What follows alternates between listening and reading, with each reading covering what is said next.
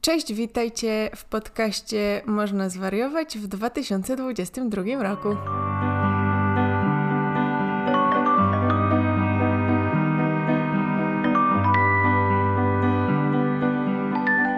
Wow. Nieźle to wymyśliłam, co? No, zaskoczenie. To nasz pierwszy odcinek w nowym roku, chociaż to nie jest pierwsza środa nowego roku, no ale tak czasem bywa. Dzisiaj mamy fantastyczną gościnę z nami, która rozwieje nasze i wasze wątpliwości na temat e, leczenia psychiatrycznego i leków. I tak naprawdę ten odcinek już chyba powinien powstać dawno temu, bo, bo to taki e, ważny temat dla nas e, i cały czas gdzieś się przejawiający, no ale powstał teraz. Jest z nami e, lekarka e, Aleksandra Pięta w trakcie specjalizacji z psychiatrii. E, cześć Ola. Hej, hej. Ole możecie znać z Instagrama jako um, psychiatra Ola, albo możecie znać ją z naszego wcześniejszego odcinka dotyczącego filmu ja, wyprawa na trzeci biegun. Musiałam sobie przypomnieć jego tytuł, ale tak. Dwubiegunowy musical ze słoniami. Tak. No długi tytuł, więc to zrozumiałe. Chyba, chyba zanim zaczniemy od pytań do ciebie, Ola, ale też jakiejś naszej dyskusji, to, to zacznijmy od tego, e, z czym ty zaczynasz. Z czym zaczynasz nowy rok, z czym zaczynasz dzisiaj, wiesz, w ogóle masz minutę, żeby się uzewnętrznić. Dobrze. E, dzisiaj tutaj jestem z taką, wiecie, radością, że mam wolny dzień. To jest, to jest bardzo fajna sprawa. A nowy rok zaczynam z sporą zmianą w moim życiu. E, jakby zaczynam zupełnie nowe projekty. Oczywiście dalej robię tą specjalizację z psychiatrii, bo to jest jednak coś, co najbardziej mnie interesuje, ale bardziej będę rozwijać takie możliwości, żebyśmy się mogli spotykać, żebyśmy mogli pracować tak holistycznie nad zdrowiem psychicznym, także nie tylko taka typowa psychiatria, tylko całościowe dbanie o zdrowie psychiczne. Tyle na razie, a myślę, że mm. wkrótce tam więcej zobaczycie. Secret Project.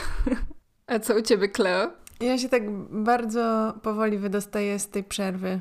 Jakoś naprawdę sobie um, ustaliłam sama ze sobą, że chcę, wiesz, zrobić sobie taką przerwę, przerwę i przestałam robić te rzeczy, które robiłam wszystkie naraz i na pełnych obrotach przez ostatnie y, Myślałam, że ostatnie parę miesięcy, a się okazało, że to było ostatnie prawie pół roku. Y, I no, i teraz muszę wrócić z powrotem do robienia tych wszystkich rzeczy i jakoś mi to tak idzie bardzo powoli. A dzisiaj rano jeszcze wstałam i uznałam, że rano pójdę po karmę dla mojego kota. No i poszłam na drugi koniec Mokotowa, gdzie ją kupuję. I co? I był sklep zamknięty o tej porze jeszcze. No, no. biedny Miron. Tak, a był otwarty dopiero właśnie od godziny, o której się mówiłyśmy na nagranie, więc moje stanie tam, czekanie też nie, nie miało sensu, więc kupiłam mu taką inną karmę. No ale chyba będzie żył. A co u ciebie, Ania?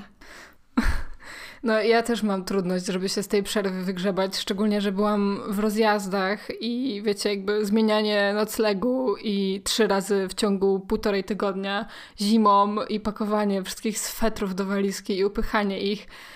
Y, to nie było łatwe, ale też doświadczyłam tego cudownego efektu, jakim jest social jetlag. Coś, co wydawało mi się, że jest takie proste, nie? Że po prostu imprezujesz jeden dzień i na drugi dzień już wszystko gituwa. No okazuje się, że nie. Ja nie wiem, co to jest dni... za zjawisko. Możesz wytłumaczyć? No chodzi o to, że, że przez trzy dni chodziłam spać tak bliżej rana, a wstawałam po południu. E, I mój organizm jakby przyzwyczaił się do tego, tak jakbym wracała. Dokładnie tak się, tak się czuję w tym tygodniu, jak po powrocie ze Stanów. Czyli e, budzę się rano o dziewiątej i mój organizm myśli, że jeszcze jest godzina e, piąta i trzeba spać. E, więc po prostu śpię po 13 godzin dziennie i jestem totalnie niewyspana cały czas. E, I no tak, dzisiaj miałam w planach sobie wstać e, właśnie o dziewiątej, pójść do paczkomatu, no i spojrzałam za okno, jakie ładne słońce i zasnęłam. I spałam do dziesiątej, więc no tak, takie, takie to doświadczenie, także nie polecam. Brzmi jak I, ja bez żadnego social jetlag. Nie no, ale to, to typowo właśnie stało się, po prostu rozregulowałam sobie mój zegar biologiczny i, i już y, chciałabym go ogarnąć, ale no jednak nie jest to takie łatwe jak spanie. Po prostu spanie jest łatwiejsze. Może zanim y, przejdziemy do takich pytań technicznych, to mnie bardzo ciekawi to, jak ty, Ola, właściwie zostałaś psychiatrą? Jak to się dzieje, że idziesz na studia medyczne i w którymś momencie decydujesz i wiesz, i to jest taki rozstrzał, że jedni idą w kierunku, e, nie wiem, ginekologii, a inni w kierunku psychiatrii?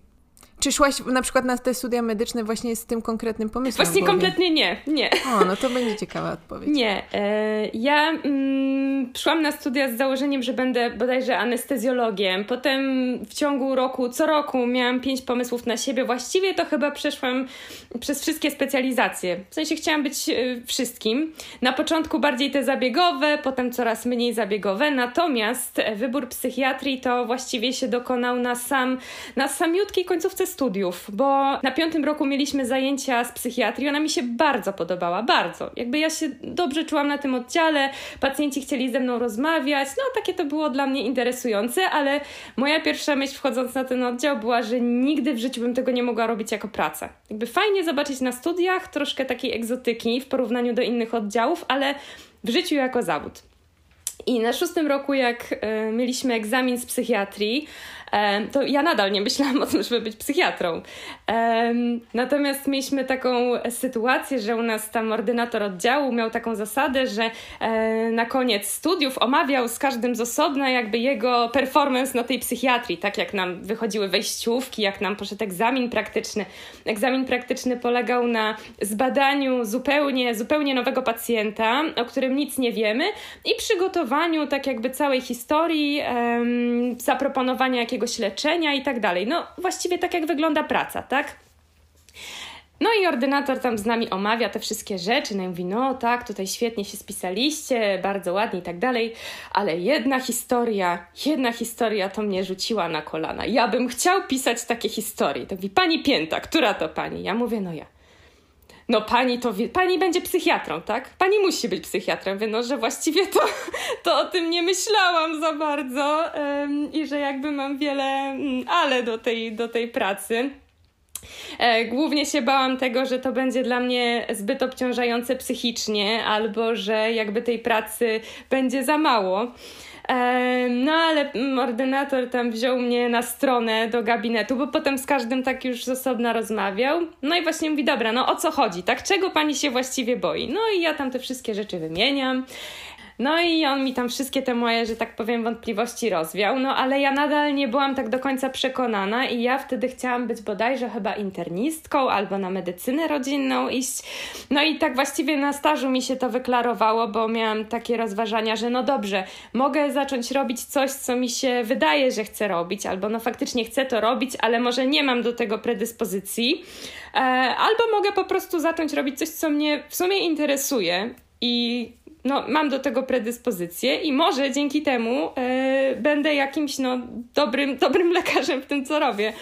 No i tak padło na ten wybór. Ja teraz, jak słyszę o e, wyborze specjalizacji, to najczęściej ludzie mówią, że no, od zawsze chciałem być kimś tam, że tam już w ogóle w gimnazjum czytają książki na ten temat i i mają takie bardzo ustalone preferencje. U mnie kompletnie tak nie było. Można powiedzieć, że to był czysty przypadek, że, że na tą specjalizację padło. Może też ktoś po prostu cię dobrze pokierował. Tak, myślę, że to dużo szczęścia w tym, wiesz, że akurat trafiłam na taką osobę, która, której się chciało to powiedzieć, bo wiesz, pewnie na studiach tam prowadzący widzą, że ktoś jest w czymś dobry, ale u mnie tak było, że raczej te pozytywne słowa to bardzo rzadko padały pod adresem studentów i być może przez to no, nie nie każdy tam usłyszał, że jest w czymś dobry. Myślę, że psychiatrzy w ogóle są takimi fajnymi w kontakcie ludźmi. Nie mówię o sobie, tylko takie moje ze studiów wrażenia, że to był faktycznie taki ludzki, ludzki oddział i też na stażu psychiatrzy zawsze byli tacy w miarę ludzcy, więc pewnie dlatego ten ordynator to powiedział, tak, że miał w sobie chęć powiedzenia czegoś pozytywnego, no i tak przypadek zdecydował. Ja jestem bardzo zadowolona z tego wyboru. No, no właśnie, a rozumiem, że pracujesz i, i na oddziale, i w gabinecie prywatnym. Tak, tak Powiedz tak. mi, że czym się różni ta praca, bo to, co myślę, że wielu osobom się kojarzy i to często jest ten taki negatywny stereotyp, e, że no psychiatra to tam właśnie wchodzisz i przepisze ci leki, że diagnozę to już dostaniesz na pierwszej wizycie e, i, i często, nie wiem, no wychodzisz i tam już potem nie, może nawet nic się nie zadziać, nie? Że to jest często jakaś taka jednorazowa wizyta, e, no ale tak sobie myślę, że No tak, z perspektywy pacjenta pewnie no, ciężko jednak widzieć, jak ta praca wygląda i z mojej perspektywy e, też no, psycholożki, ale stażującej na oddziałach psychiatrycznych, no to właśnie często ta praca jest taka bardzo mm, zespołowa już na tym oddziale, nie? I, I to myślę, że jest coś, co, co mało osób dostrzega i też wyobrażam sobie, że po prostu no, e, jesteście bardzo w tym momencie obciążeni i, i to, że gdzieś tam może nie ma jakiejś takiej interakcji w 100% zaangażowanej za każdym razem w tym gabinecie prywatnym po godzinach, może z tego wynikać, ale, ale to już jest jakieś moje założenie. Powiedz może po prostu jak, e, jak to wygląda, czym się różnią te dwie sytuacje.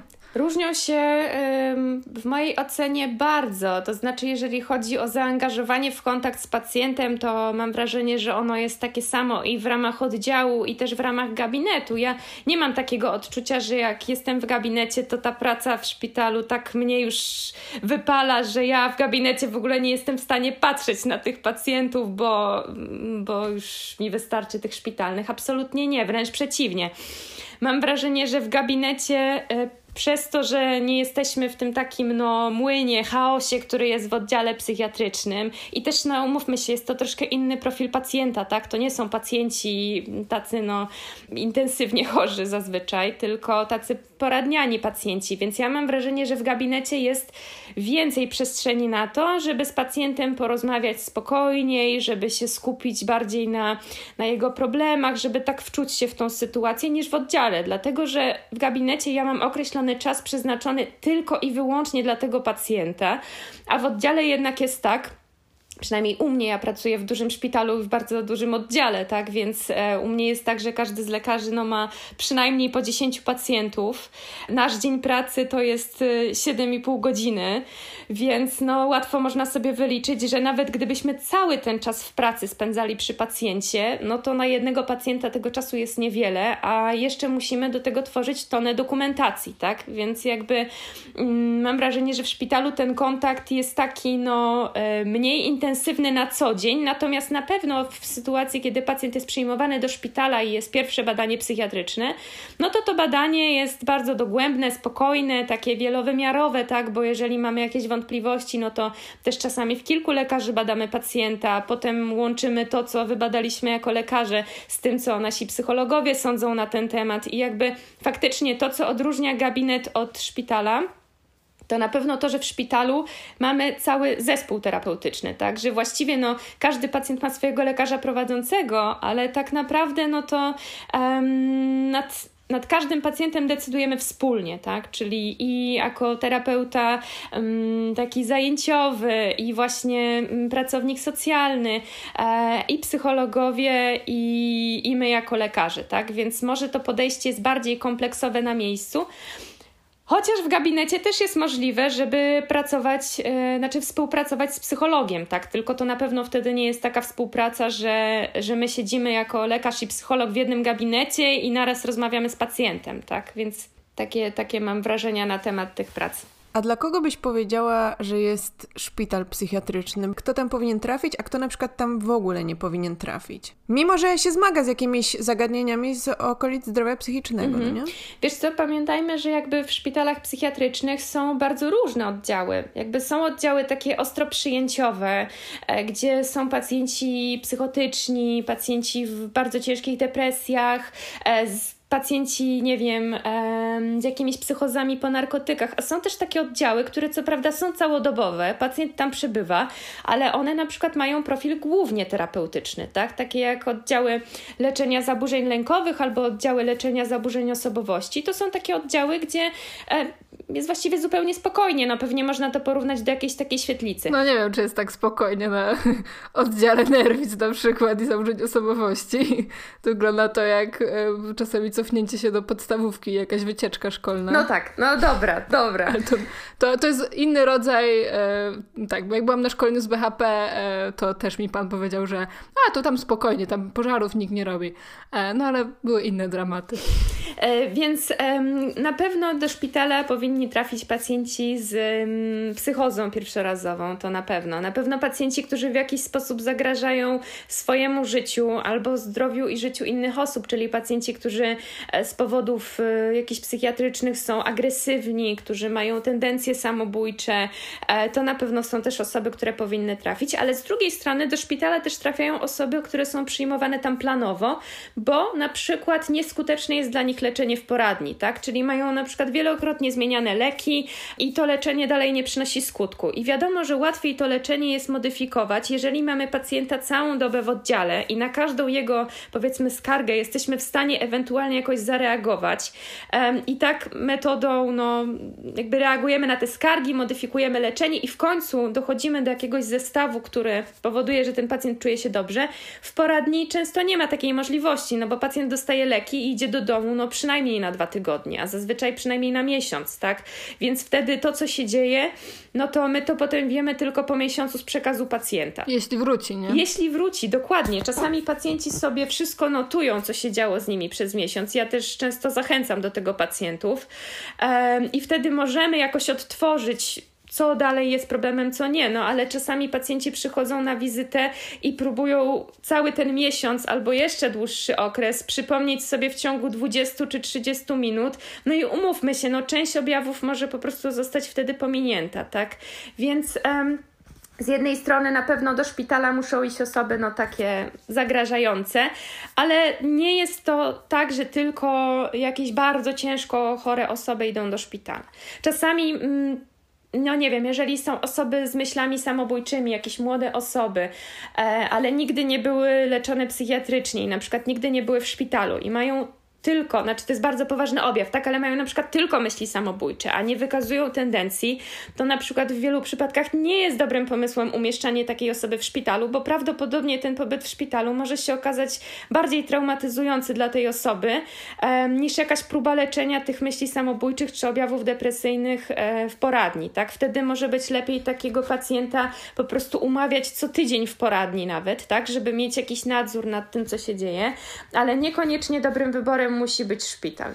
A w ostatnich latach dużo się mówi o takim odchodzeniu stopniowym od tego modelu y, szpitalnego na rzecz modelu środowiskowego.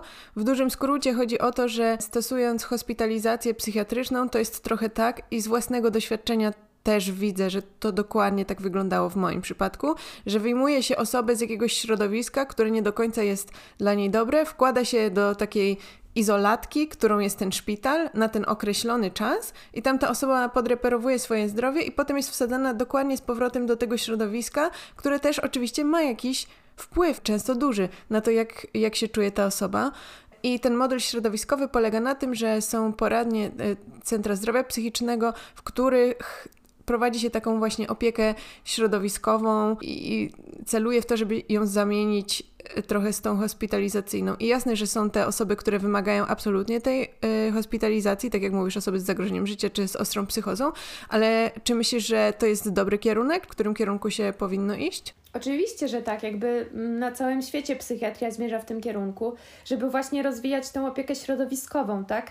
No, u nas, e, jeżeli chodzi o tak, centra zdrowia psychicznego są tylko w dużych miastach, więc tu już w ogóle wszystkie, nawet nie że wsie, ale już nawet takie mniejsze miejscowości, nie miasta wojewódzkie, już z tego systemu wypadają praktycznie, tak? Więc um, jakby to jest mnóstwo. To jest nadal program pilotażowy, to jest raptem kilkanaście czy kilkadziesiąt no, placówek no, w całej Polsce. Więc e, jakby zdecydowanie w tym kierunku należy iść, bo dokładnie to, co mówisz, tak, że jakby w szpitalu jest troszkę taka bańka, znaczy z jednej strony zazwyczaj no nie są to jakieś super ekstra przyjemne miejsca, w sensie no nie wygląda to jak hotel, chociaż no niektóre szpitale tak wyglądają, e, ale jednak jest to wyrwanie człowieka z jego środowiska i czasami właśnie takie wyizolowanie od problemów, a potem on wraca właściwie do zupełnie tego samego miejsca, z którego wyszedł i to wszystko nawraca. To jest chyba szczególnie widoczne w przypadku dzieci i młodzieży, bo tam jest um, najwięcej wpływu takiego środowiskowego, tak? I um, wiem, że te oddziały, które się zajmują leczeniem dzieci i młodzieży, no prowadzą też terapię rodzinną i tam często są takie spotkania, że jak dziecko jest w szpitalu, to rodzice muszą, czy tam no, ktoś, kto się tym dzieckiem zajmuje, musi przychodzić do szpitala na regularną terapię, więc no teoretycznie coś tam ma prawo zmienić, ale no bez wątpienia, gdyby ta praca się odbywała um, na miejscu, na bieżąco i e, między tymi sesjami dziecko albo dorosły jest w swoim środowisku i widzi, jak jego postrzeganie tego i funkcjonowanie się zmienia, to na pewno byłoby to lepsze. No ja uważam, że to jest świetny model, tylko pewnie jeszcze długa droga przed nami. No tak, ale też tak przyszłościowo wydaje mi się to no tak, z jednej strony, jeśli chodzi o jakby budżetowanie tego, nie, no to nie musisz po postawić fizycznego budynku i łóżek i umeblowania, no ale z drugiej strony to faktycznie wymaga dużego zaangażowania kadry, nie, no bo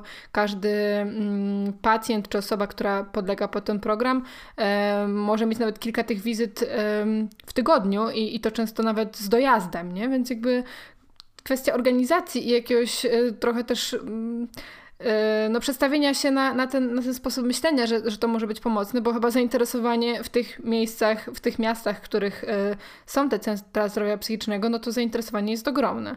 I, i teoretycznie tam właśnie nie powinno być tych kolejek, nie? że to jest zupełnie inny model, ale no w którymś momencie też tych ludzi robi się za dużo i już nie można tego tak reklamować, nie? No tak, tak. Szczególnie u osób, które dopiero zaczynają jakąś swoją, tak powiedzmy, przygodę z psychologią, psychiatrią, czy z jakąś taką formą pomocy tego typu, e, to pojawia się pytanie, do kogo powinienem się, czy powinnam się udać? Do psychologa, czy do psychiatry? Jakoś to się zbiera do jednej grupy, ale jednocześnie osoby, które już mają trochę większą e, świadomość tego, kim jest psycholog, a kim jest psychiatra, kim jest psychoterapeuta, mm, zastanawiają się czasami, czy mój problem nie jest tak mówiąc ogólnie, za mały, żeby iść do, od razu do psychiatry, nie? Że psychiatra to już jest lekarz, że to jest poważne i że on od razu mi przepisze leki, a może ja ich w ogóle nie potrzebuję, a może mój problem to jest w ogóle jakaś taka rzecz, nie wiem, związane z dorastaniem, czy coś takiego właśnie, co nie wymaga tej konsultacji. Myślę, że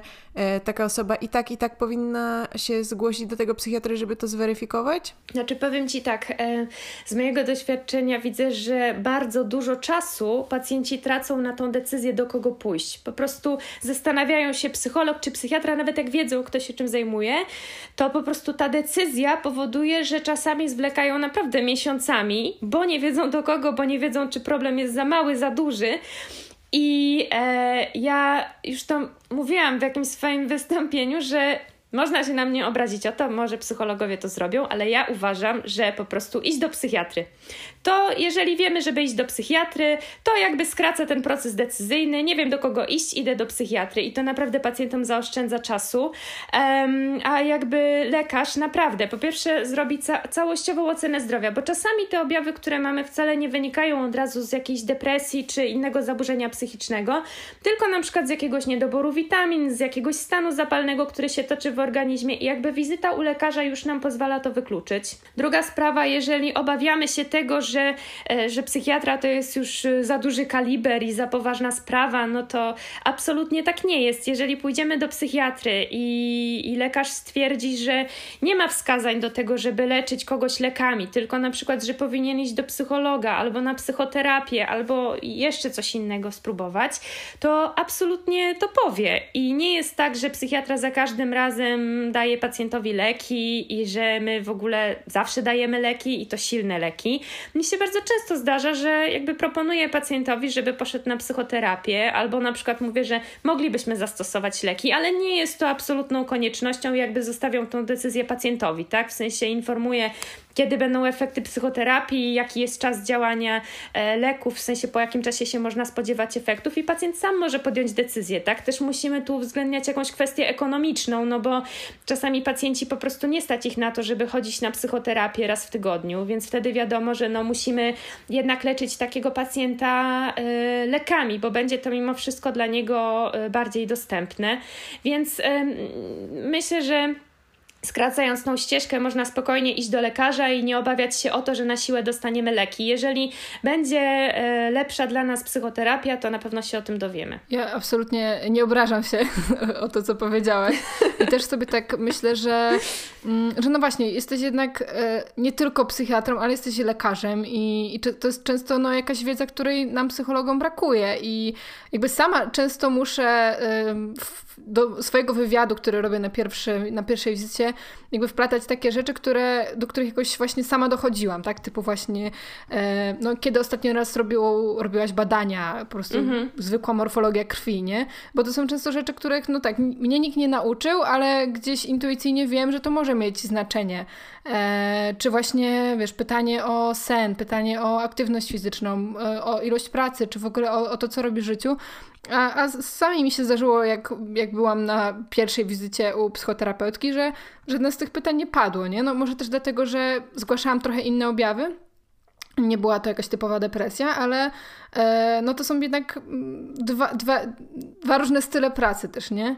I, i myślę sobie, że, że faktycznie ta wizyta, powiedzmy, e, psychiatryczna może być trochę droższa, ale możemy to potraktować jako taką wizytę lekarską, którą po prostu, nie wiem, robimy sobie raz w roku, żeby sprawdzić, czy na pewno wszystko jest ok, tak?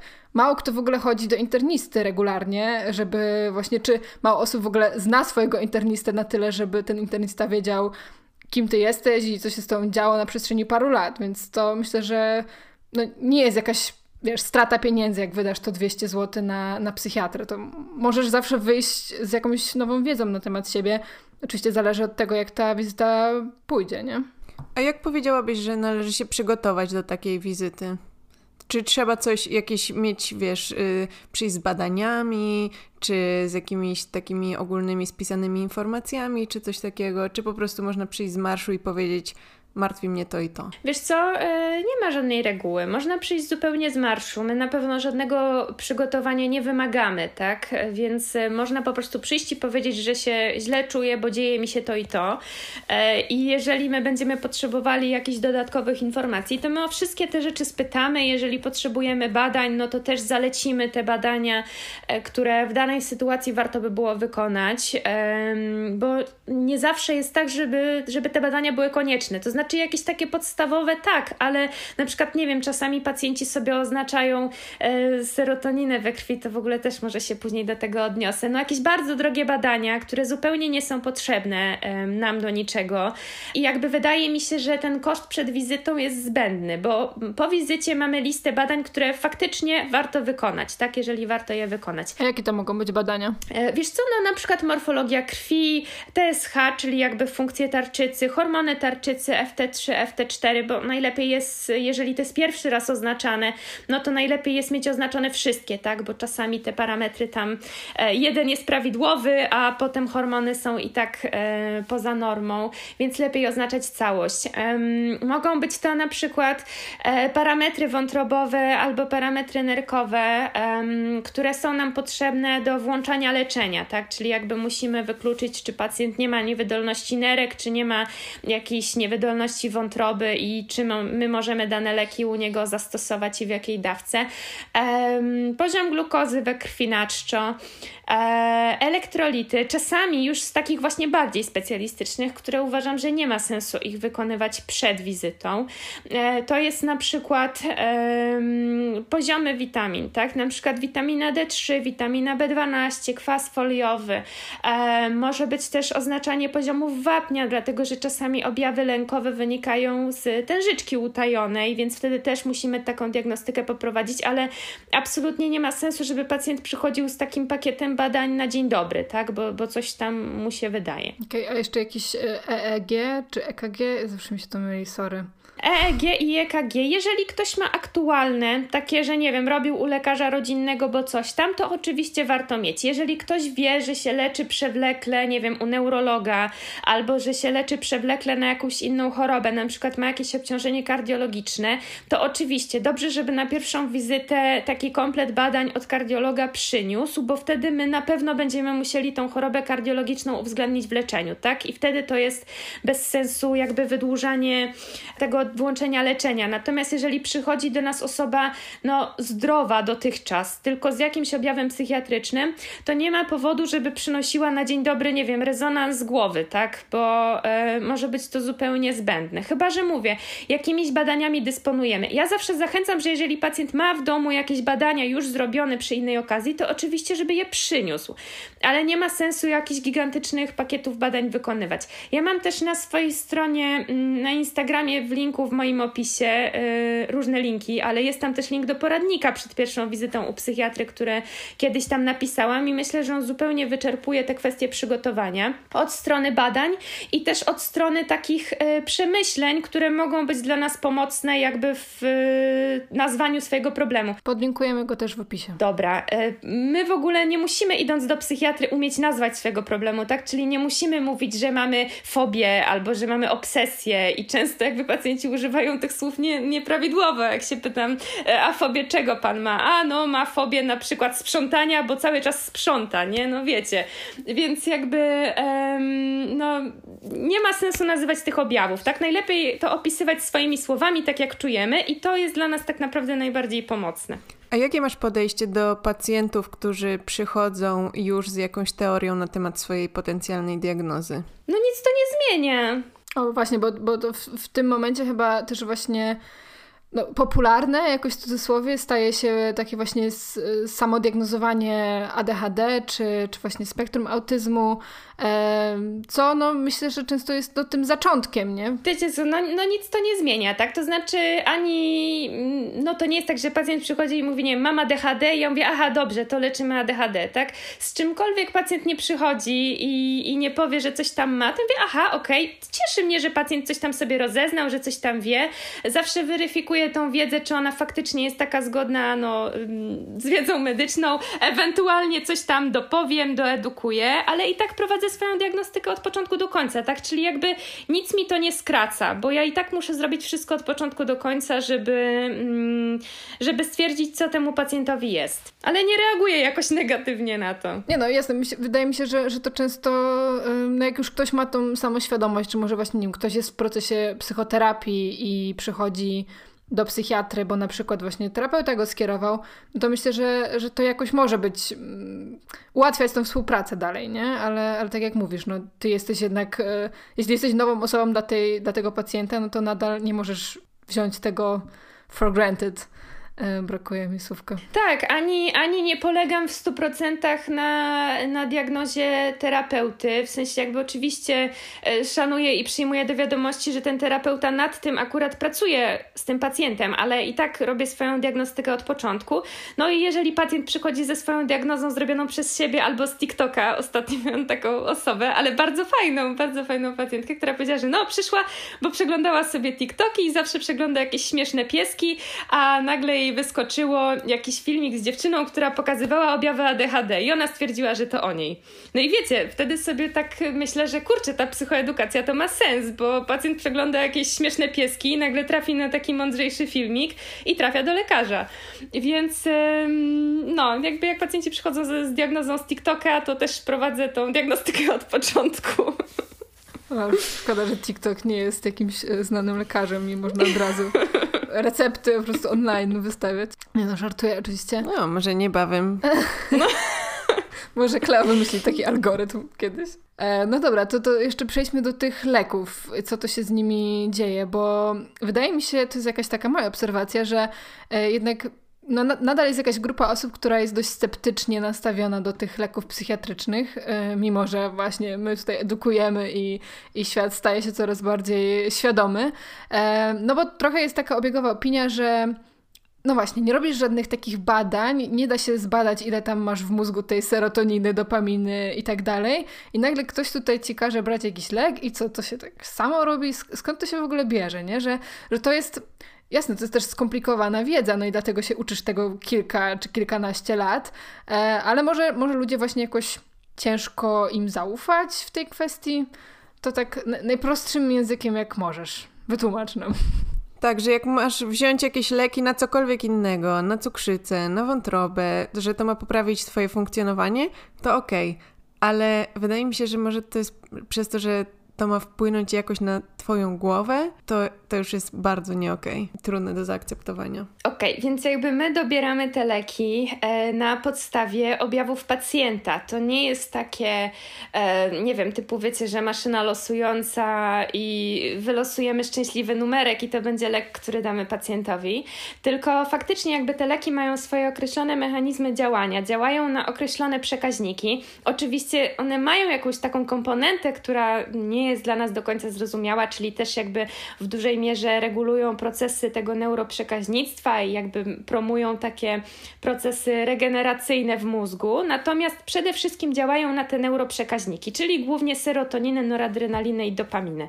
I jeżeli mamy, no tu skupię się najbardziej na tych zaburzeniach lękowych i depresji, bo podejrzewam, że to jednak będzie większość y, Waszych odbiorców, no to my dobieramy lek do tego, y, co się dzieje z pacjentem, tak? I bardzo, dosyć łatwo jest powiązać objawy, które ma pacjent z układem tym e, neuroprzekaźników, który może mieć jakąś dysfunkcję, tak? No, czyli jeżeli, mówiąc o depresji, jeżeli pacjent ma głównie objawy lękowe, ma problemy na przykład z jakimiś męczącymi go myślami takimi natrętnymi, ma problem z kontrolą emocji, no to raczej będziemy myśleć o serotoninie. Jeżeli jest problem z motywacją, z takim um, szukaniem jakichś przyjemnych zadań, no to raczej będziemy myśleć o dopaminie, a jeżeli jest brak energii, jakieś zaburzenia koncentracji, koncentracji, to raczej o noradrenalinie, tak?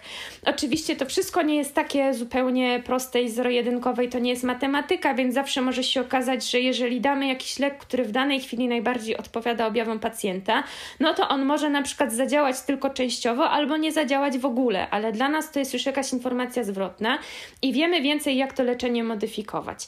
Również będziemy dobierać leczenie na takiej zasadzie, że uwzględniamy e, finanse pacjenta, czyli są no leki droższe i tańsze, tak? Więc musimy uzgodnić z pacjentem, czy jego będzie stać na daną terapię.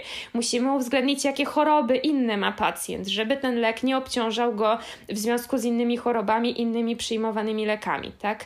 Um, więc y, jakby tutaj ten, ta kwestia dobrania leczenia jest dosyć skomplikowana, ale ona nie jest zupełnie przypadkowa, tak? Więc na pewno im dokładniej opiszemy lekarzowi objawy, które mamy, też w tym zaburzenia snu na przykład, jakieś dolegliwości bólowe, to wszystko są rzeczy, które będą wpływały na wybór tego leku um, psychiatrycznego, e, tym większa szansa, że to leczenie będzie trafione, tak? A jakie są najczęstsze takie właśnie obawy pacjentów? Z czym się spotykasz? Co ci właśnie pacjenci zgłaszają? Czy z jakimi może mitami przychodzą? Mm, wiesz co, najczęściej pacjenci się boją, że się uzależnią od leków. E, no więc to no po prostu to można powtarzać jak mantrę, no, że te leki nie uzależniają i to jest znowu to samo, co z lekami z innych dziedzin. Tak, nikt nie mówi, że insulina uzależnia, nikt nie mówi, że jakieś leki na serce uzależniają, ale jakoś leki psychiatryczne uzależniają. No normalnie Jest, że jeżeli człowiek choruje i wymaga leczenia, no to musi te leki czasami przyjmować. Czasami je musi przyjmować krócej, czasami je musi przyjmować dłużej,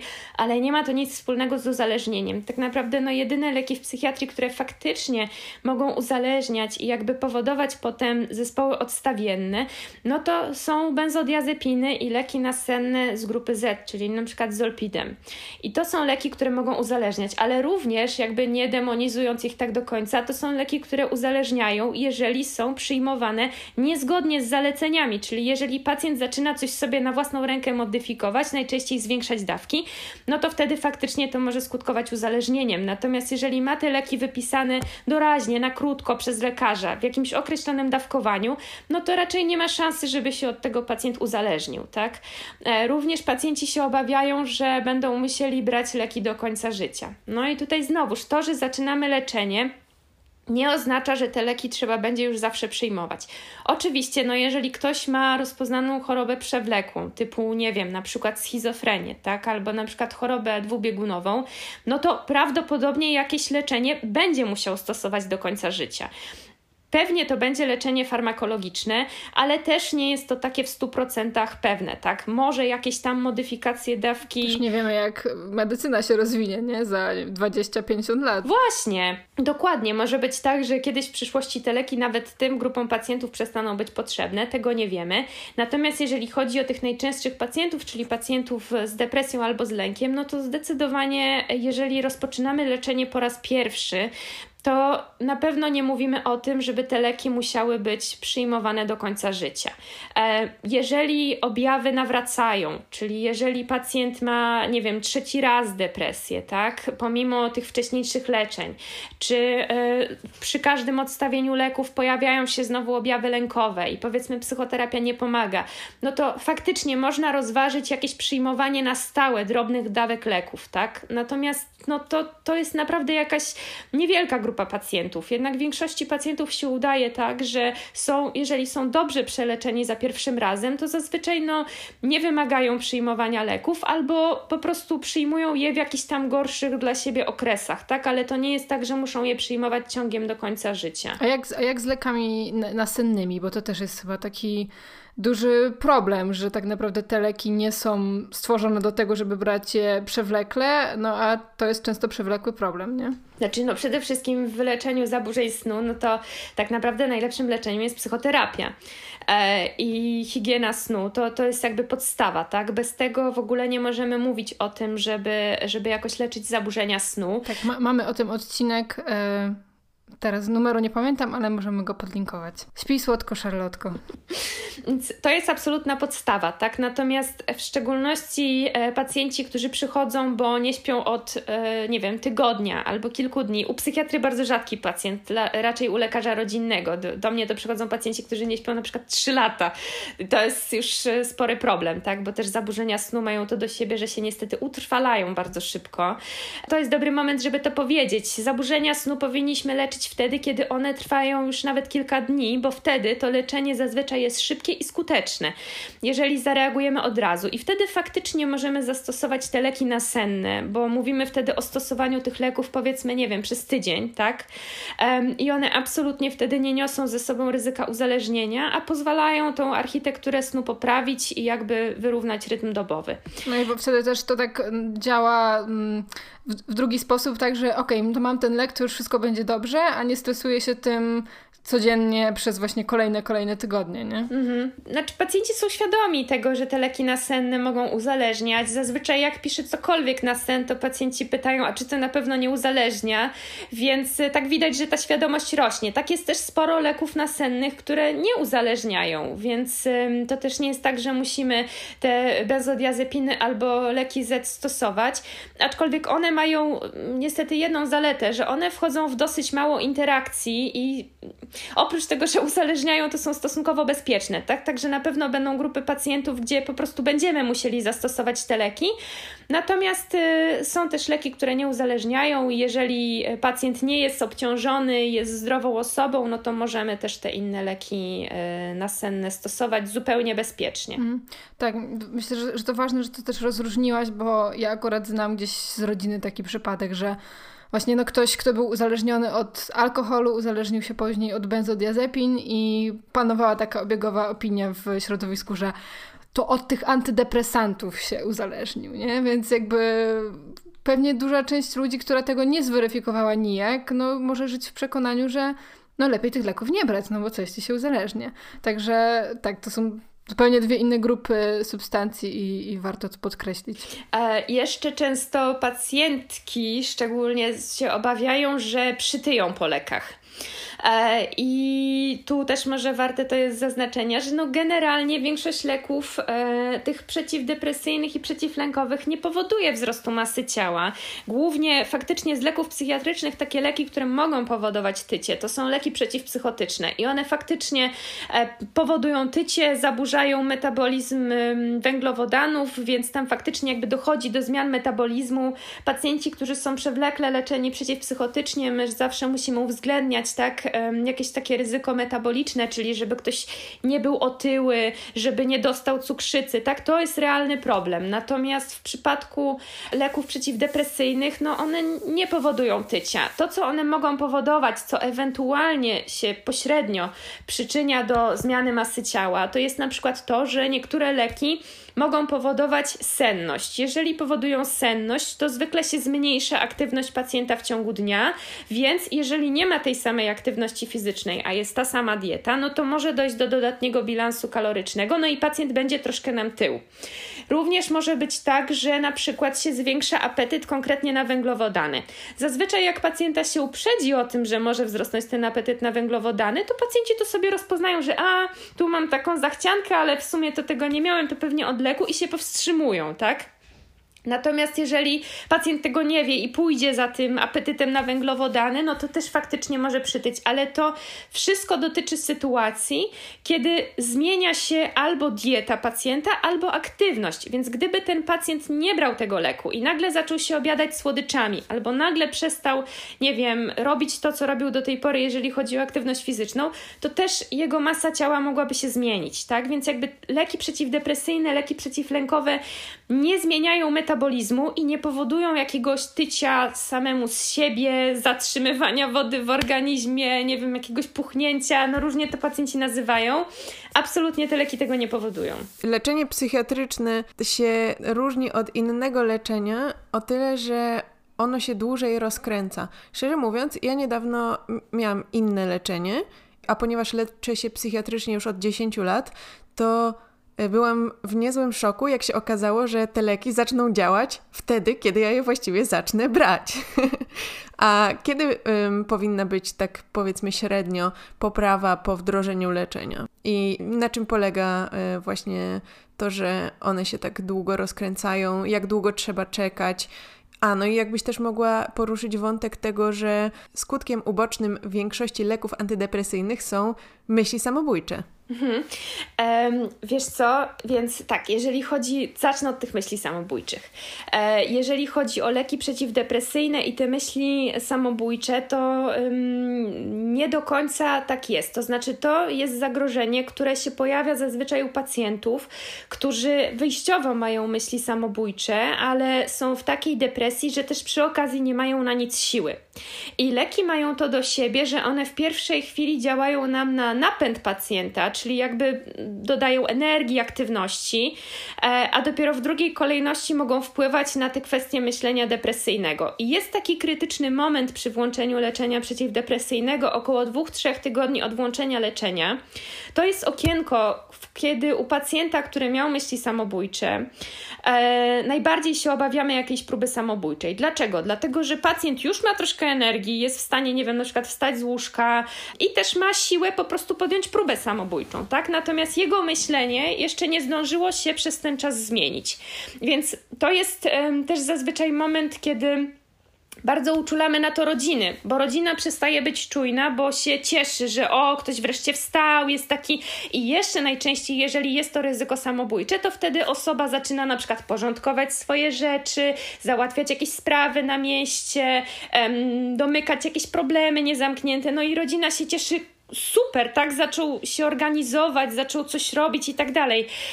No i paradoksalnie to są najbardziej alarmowe objawy, bo zazwyczaj to jest jakieś takie domykanie spraw i po prostu przygotowywanie tej ewentualnie próby samobójczej, tak? Natomiast u pacjentów, potem to ryzyko oczywiście już się zmniejsza tak, z czasem działania leków. Natomiast u pacjentów, którzy nie mieli myśli samobójczych, one się y, rzadko pojawiają w przebiegu leczenia przeciwdepresyjnego. Tak więc to jest bardziej kwestia tego napędu, który dajemy osobie z myślami samobójczymi, niż tego, że leki przeciwdepresyjne jakoś same z siebie by powodowały myśli samobójcze. Wcześniej pytałaś jeszcze o dlaczego te leki tak długo działają. Tak, i po jakim czasie powinna być poprawa? E, wiesz co, tutaj tak naprawdę nie chcę do końca mówić jakiejś uśrednionej wartości, bo też często się spotykam w gabinecie z tym, że właśnie pacjenci przychodzą z tą wyczytaną z internetu wartością, że po dwóch tygodniach powinno być lepiej, a nie było.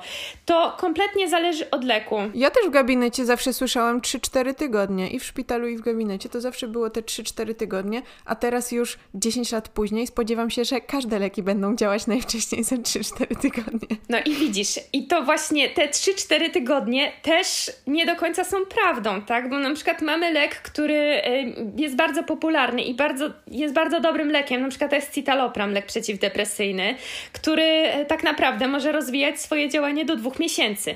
I jest to lek bardzo często stosowany, a pacjent przychodzi i mówi, jak to? Po dwóch tygodniach miało być już lepiej, a ja nic nie czuję, tak?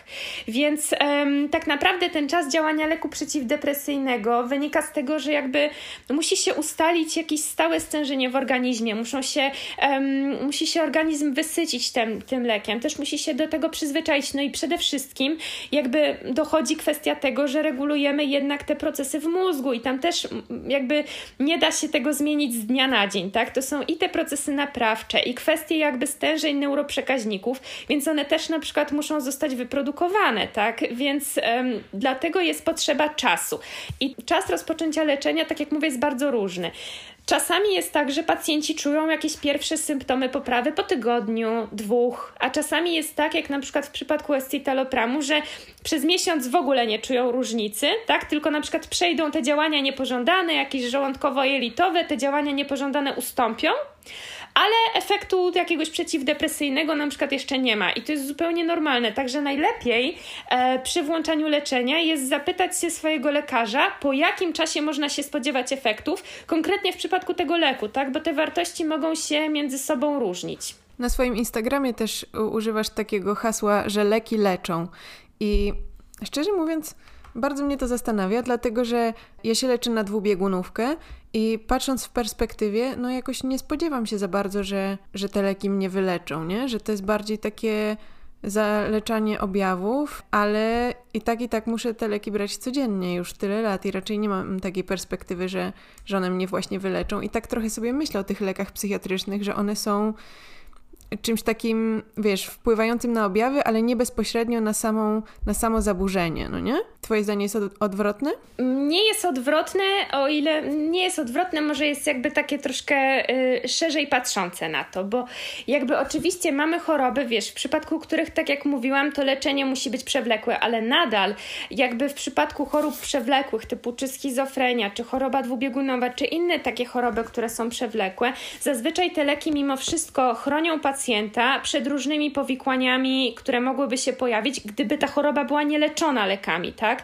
I na przykład w przypadku takich chorób, które mogą przebiegać z manią albo z psychozą, jak pewnie wiesz, w w tych zaostrzeniach choroby dochodzi do takiej burzy neuroprzekaźników. I kiedy jest ta burza neuroprzekaźników, dochodzi do realnych uszkodzeń mózgu. Tam naprawdę się uszkadzają komórki. I przebycie kilku takich epizodów powoduje, że po prostu pacjent już jakby się staje lekooporny, te leki nie mają na co działać, bo leki działają na jakieś konkretne punkty uchwytu, tak?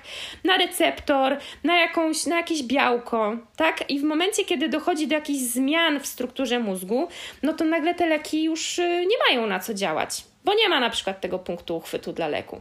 Więc e, nawet w przypadku chorób, gdzie te leki faktycznie, może w takim prostym rozumieniu, no nie wyleczą cię, tak, bo nie spowodują, że przestaniesz mieć tą chorobę. Natomiast znacząco poprawiają Twoją jakość życia i przede wszystkim chronią cię tym przed postępowaniem tej choroby. E, natomiast w przypadku takich zaburzeń jak na przykład depresja czy zaburzenia lękowe, absolutnie leki są w stanie to wyleczyć, szczególnie w połączeniu z psychoterapią, dlatego że jakby w przypadku depresji najczęściej tych pierwszych epizodów oczywiście dochodzi do jakiegoś zaburzenia równowagi w neuroprzekaźnictwie. I leki, oprócz tego, że jakby działają na przekaźniki w mózgu, również tak jak powiedziałam na początku, ten taki mniej na razie dla nas poznany mechanizm, to jest działanie regeneracyjne na struktury mózgu i takie przywracanie równowagi. W połączeniu z psychoterapią leki nasilają, jakby wspomagają ten proces plastyczności mózgu i powodują, że te zmiany, nad którymi pracujemy w psychoterapii, w dużym stopniu to upraszczając, łatwiej się zapisują w mózgu, tak? I jakby łatwiej tam dochodzi do zmiany połączeń, do, do zmian w tych strukturach. Więc jakby na poziomie biologicznym leki w przypadku depresji albo zaburzeń lękowych, w szczególności w połączeniu z psychoterapią, jak najbardziej są w stanie pacjenta wyleczyć, też na takim poziomie e, biologicznym, nie tylko na zasadzie zaleczenia objawów. No to ciekawe, akurat nie, nie słyszałam chyba o, o, tej teorii, bo podręcznikach psychoterapeutycznych e, często wręcz, co mnie czasami śmieszy, właśnie są takie dywagacje, już tam ostatni rozdział, takie, no ale to, to leki i psychoterapia, no to mm, taki dyskusyjny temat, no bo skąd będziemy wiedzieli, co pomogło. Mm, no i oczywiście zawsze jest zaznaczone, że oczywiście w krytycznych e, tam czy w przypadkach mm, głębokich zaburzeń, no należy te leki włączać, ale zawsze śmieszy mnie ten taki właśnie ta, ta nuta sceptycyzmu, tak? Czy aby na pewno nasz podręcznik tutaj e, przez kilka lat skrzętnie przygotowany pomaga, czy te leki od jakiegoś tam psychiatry, nie? E, ale... Wiesz co, dla mnie jest e, przerażające, jak przychodzi pacjent i na przykład mówi, że boi się włączyć leków, bo mu terapeuta powiedział, że jak zacznie brać leki, to on przestanie z nim pracować, bo w jego ocenie leki zaburzają proces terapii, no to wiesz, no ja po prostu dostaję ciarek na plecach, jak coś takiego słyszę, ale skoro jakieś takie teorie gdzieś tam są wplatane też w podręczniki, no to, no to może mniej mnie to dziwi. Wiesz, coś jest napisane w podręczniku, ktoś to sobie przemieli po swojemu, podkręci i potem dochodzi do takich sytuacji. Absolutnie e, myślę, że leki z psychoterapią to jest naprawdę w znaczącej większości, u znaczącej większości pacjentów najlepsze połączenie, najbardziej efektywne. Mhm. No tak, a jeszcze chciałam e, taki nasz ulubiony wątek tutaj przywołać, e, czyli, uwaga, cytuję, e, starajmy się tych leków brać jak najmniej. Oczywiście wszyscy już wiedzą o co chodzi. A jeśli nie wiecie, to oczywiście jest cytat z pytania na śniadanie i już, słuchajcie, prawie dwa lata ma ten mm, fantastyczny filmik z fantastycznymi poradami. E, no i właśnie, tak się też zastanawiam, e, bo mm, dla tych, którzy nie oglądali, no to, to była taka dywagacja, że tam Polacy biorą ileś tam milionów opakowań tych leków rocznie, e, no i że właśnie coraz więcej, no i ogólnie to, że lepiej ich nie brać, nie? Lepiej iść właśnie pobiegać i co oczywiście no, ma swoje plusy, ale tak się zastanawiam, co by się stało, no bo ciężko mi sobie wyobrazić, że ktoś, kto tych leków nie musi brać, nagle decyduje się wydać 200 zł u psychiatry, kolejne razy tyle czy ileś na te leki, e, no i jakby co, co się wtedy dzieje? Gdybym ja, gdzie czuję się zdrowa, zaczęła brać antydepresanty, to co by się ze mną stało? Nic właśnie. Nic. Nie, nie, nie wystrzeli po prostu mój humor do góry niesamowicie, nie? No, nie, po prostu jakby leki em, działają na różne takie zaburzone rodzaje przekaźnictwa. Jeżeli jest osoba zdrowa i weźmie lek przeciwdepresyjny, to po prostu nie stanie się absolutnie nic. To nie jest tak, że chorym on dodaje, a zdrowym dodaje jeszcze bardziej, tak? To coś reguluje u osoby chorej, żeby ta osoba chora się czuła dobrze i na takim wróciła do swojego normalnego poziomu funkcjonowania. Natomiast jeżeli osoba zdrowa weźmie lek przeciw przeciwdepresyjny, to to nie spowoduje jakiegoś yy, wzrostu nastroju, dodania energii czy cokolwiek, tak? Po prostu no, nie będzie działał, bo nie ma za bardzo na co działać, tak? Więc... Yy... Też myślę, że gdyby był ten efekt, to chyba jednak... Mm, nie wiem, może nie byłoby y, narkotyków, którzy ludzie w tym celu biorą, bo wszyscy po prostu braliby leki na, na receptę. No, no a tak nie jest, więc no faktycznie to oczywiście myślę, że jest dużym plusem tych leków, nie? Nie? No nie jest dla mnie zrozumiałe takie podejście, że się martwimy o to, że ludzie się leczą na, e, na depresję albo inne zaburzenia. Dla mnie to, że Polacy biorą coraz więcej leków antydepresyjnych, tak naprawdę pewnie ciężko to porównać, no bo umówmy się, być może kilka lat temu zrobienie takich statystyk było trudniejsze, bo też ludzie się wstydzili do tego przyznać, tak? Teraz jakby to przestaje być tematem tabu, więc po pierwsze, ludzie zaczynają mówić o tym, że biorą leki, po drugie zaczynają chodzić do psychiatry, więc też mają szansę na dostanie tych leków i właściwie dla mnie ten wzrost przyjmowania leków, no ja to rozumiem jako wzrost jakiejś świadomości w społeczeństwie, tak? I tak jak mówisz. A niekoniecznie wzrost y, zachorowalności na depresję. E, wiesz co, być może biorąc pod uwagę e, COVID i pandemię, no to pewnie wzrost zachorowania na depresję również. Natomiast dla mnie wydźwięk tych słów, e, tak jak one były rzucone w pytanie na śniadanie, był taki. E, oczywiście to jest moja interpretacja własna, ale jednak ja to tak zrozumiałam, że chodzi o to, jakby ludzie zamiast e, jakoś się wysilić i spróbować pobiegać albo coś tak dać od siebie, to idą, idą na łatwiznę e, i biorą leki. No nie, po prostu nie, tak? No, zdrowej osobie nikt tych leków nie przepisze. E, u zdrowej osoby takie leki nie będą miały żadnego efektu i na pewno przyjmowanie leków w sytuacji, kiedy e, ma się jakieś problemy psychiczne, nie jest pójściem na łatwiznę, tylko czasami jest e, jedynym rozwiązaniem nawet do tego, żeby uratować życie, tak? Więc w ogóle ośmieszanie tego, Albo też jest po prostu trudną decyzją dla wielu osób, nie? Żeby do tego gabinetu pójść, żeby poprosić o pomoc. No dokładnie. Tym bardziej myślę, że, że taki mm, jakiś taki shaming tam się jakby stworzył, nie? I jakby słusznie chyba no, społeczność internetowa, internauci zareagowali. Powiedz jeszcze, co najczęściej diagnozujesz w swoim gabinecie? Z czym e, ludzie najwięcej się zmagają? No najwięcej jest chyba epizodów depresyjnych i, i zaburzeń lękowych. To jakby bez dwóch zdań. No, znaczy myślę, że to wynika z tego, że jest to na pewno przypadłość najbardziej taka poradniana, tak? To taka przypadłość, która jest najmniej stygmatyzowana, więc też najczęściej z tym pacjenci się gdzieś zgłaszają. Ale no też myślę, że ta sytuacja yy, właśnie pandemiczna się na pewno przyczyniła do wzrostu. Ja co prawda zaczęłam swoją pracę na chwilę przed yy, pandemią, więc może nie mam jakiegoś takiego gigantycznego porównania, co było przed, ale też wiem od innych lekarzy, że no jednak ten wzrost jest. Zresztą nawet z wywiadu od pacjentów wynika, tak, że no jakby podają, że konkretnie ta sytuacja, na przykład, nie wiem, przejście na zdalną pracę, czy jakieś tam obawy przed zakażeniem, że to jednak jest taki spory czynnik, który e, wyzwolił różne, mm, różne objawy u nich. To jeszcze tak ostatnie pytanie i taka klamra kompozycyjna, bo powiedziałaś też na początku, że mm, że masz takie holistyczne nastawienie do tej psychiatrii. E, to tak w kilku słowach, bo to oczywiście może być kolejny temat rzeka, ale powiedz, co ty jako psychiatra też e, radzisz swoim pacjentom, czy co polecasz, żeby wykonywać poza tymi lekami. No bo, bo też wyobrażam sobie, że, że to nie jest tak, że ktoś przychodzi, dajesz te leki i do widzenia, tylko no wierzę, że jakaś tam psychoedukacja też zachodzi. Tak, no po pierwsze zachodzi psychoedukacja, po drugie zawsze pacjentów zachęcam do tego, żeby jakby poszukiwali informacji o swojej chorobie i się stawali ekspertami od niej, w czym ja zawsze ich po prostu wspieram i jakby mocno edukuję, dlaczego mają takie objawy, a nie inne i jak to będzie dalej przebiegało.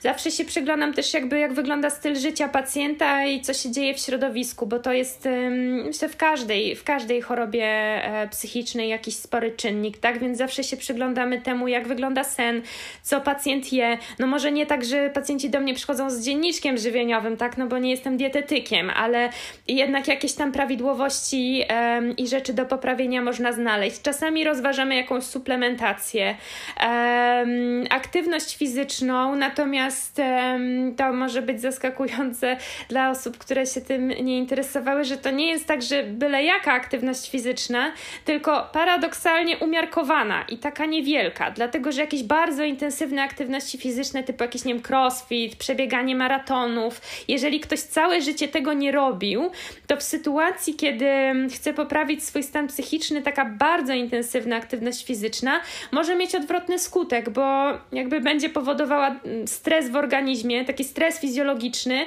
e, i niestety to będzie utrudniało leczenie objawów. Natomiast taka bardzo umiarkowana, łagodna aktywność fizyczna typu yoga, mm, jakieś ćwiczenia oddechowe, rozciąganie, jakaś lekka gimnastyka i jak najbardziej tak i to się staramy zawsze z pacjentami jakoś wprowadzić.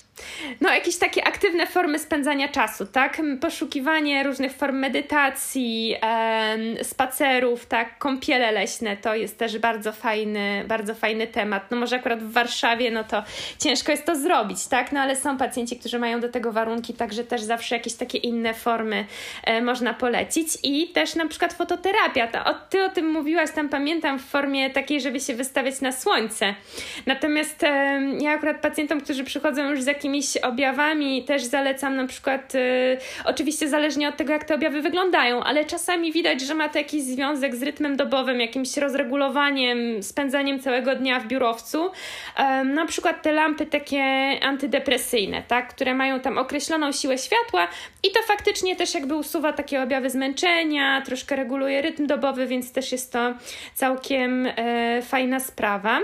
Myślę, że ciężko jest wszystko naraz wymienić, bo to też zależy od pacjenta, ale, ale jakby mniej więcej tak, tak to wygląda. Jakby Was to zainteresowało, to y, na przykład w mojej poradni są takie lampy do wypożyczenia nie trzeba ich kupować, tylko można sobie. Wy... Wiem, że są lampy. O to już wiem, do której poradni A. chodzisz, bo ja tam odsyłam pacjentów, żeby sobie wypożyczyli. A, y, y, no to w, są w ogóle są lampy i y, okulary. Mm, takie jak Bożena Dykiel. Ale nie te co Bożena Dykiel, no. Ale to tam były jakieś zaawansowane bardziej. A nie, nie. Okulary z tymi lampami jakby. Nie, nie, to nie takie, to takie okulary, jakby te lampy, tylko w formie takiego założenia takiej opaski tutaj, nie? Matko, a to nie razi bardzo? Nie patrzysz się w to, Ania, masz zamknięte oczy wtedy, jak się naświetlasz chyba, nie? A, okej. Okay. Dobra, Ola, bardzo Ci dziękujemy za. Yy, myślę, że no, ciężko wyczerpać temat, ale, ale może jeszcze kiedyś e, z nami pogadasz na jakiś bardziej konkretny, a, a myślę, że ten odcinek, yy, szczególnie jakoś tak na nowy rok, może być wspierający dla, dla osób, które yy, chcą, chcą jakoś zadbać o swoje zdrowie psychiczne. Oczywiście nie potrzeba do tego nowego roku, ale. Dla których jeszcze ta decyzja jest przed nimi. Tak, ale, ale może akurat jakoś ten przełom w kimś uruchomił taką refleksję. I oczywiście zapraszamy wszystkich słuchaczy, słuchaczki na Twój profil na Instagramie, gdzie, gdzie jest mnóstwo wartościowych treści. E, warto sobie tam przewertować e, jakieś posty i zapisane relacje, stories. Pamiętajcie też o naszym patronajcie patronite.pl ukośnik można zwariować. Tak i w tym miesiącu szczególnie dziękujemy Zosi, czyli naszej pierwszej matronce e, z progu 50, plus, czyli chyba czwartego, e, za takie hojne wsparcie nas. Dziękujemy, Zosia. A jeśli chcecie dołączyć do grona patronów, matronek i osób patronujących i matronujących, możecie zapisać się właśnie na naszym patronajcie. Co miesiąc wysyłamy newsletter z różnymi ciekawostkami i rzeczami, które nas zainteresowały. Jeśli Wam się spodoba, e, zainteresuje Was, to to bardzo zapraszamy. Tak, dla fanów i fanek rundek. Tam dużo takich rundkowych spraw.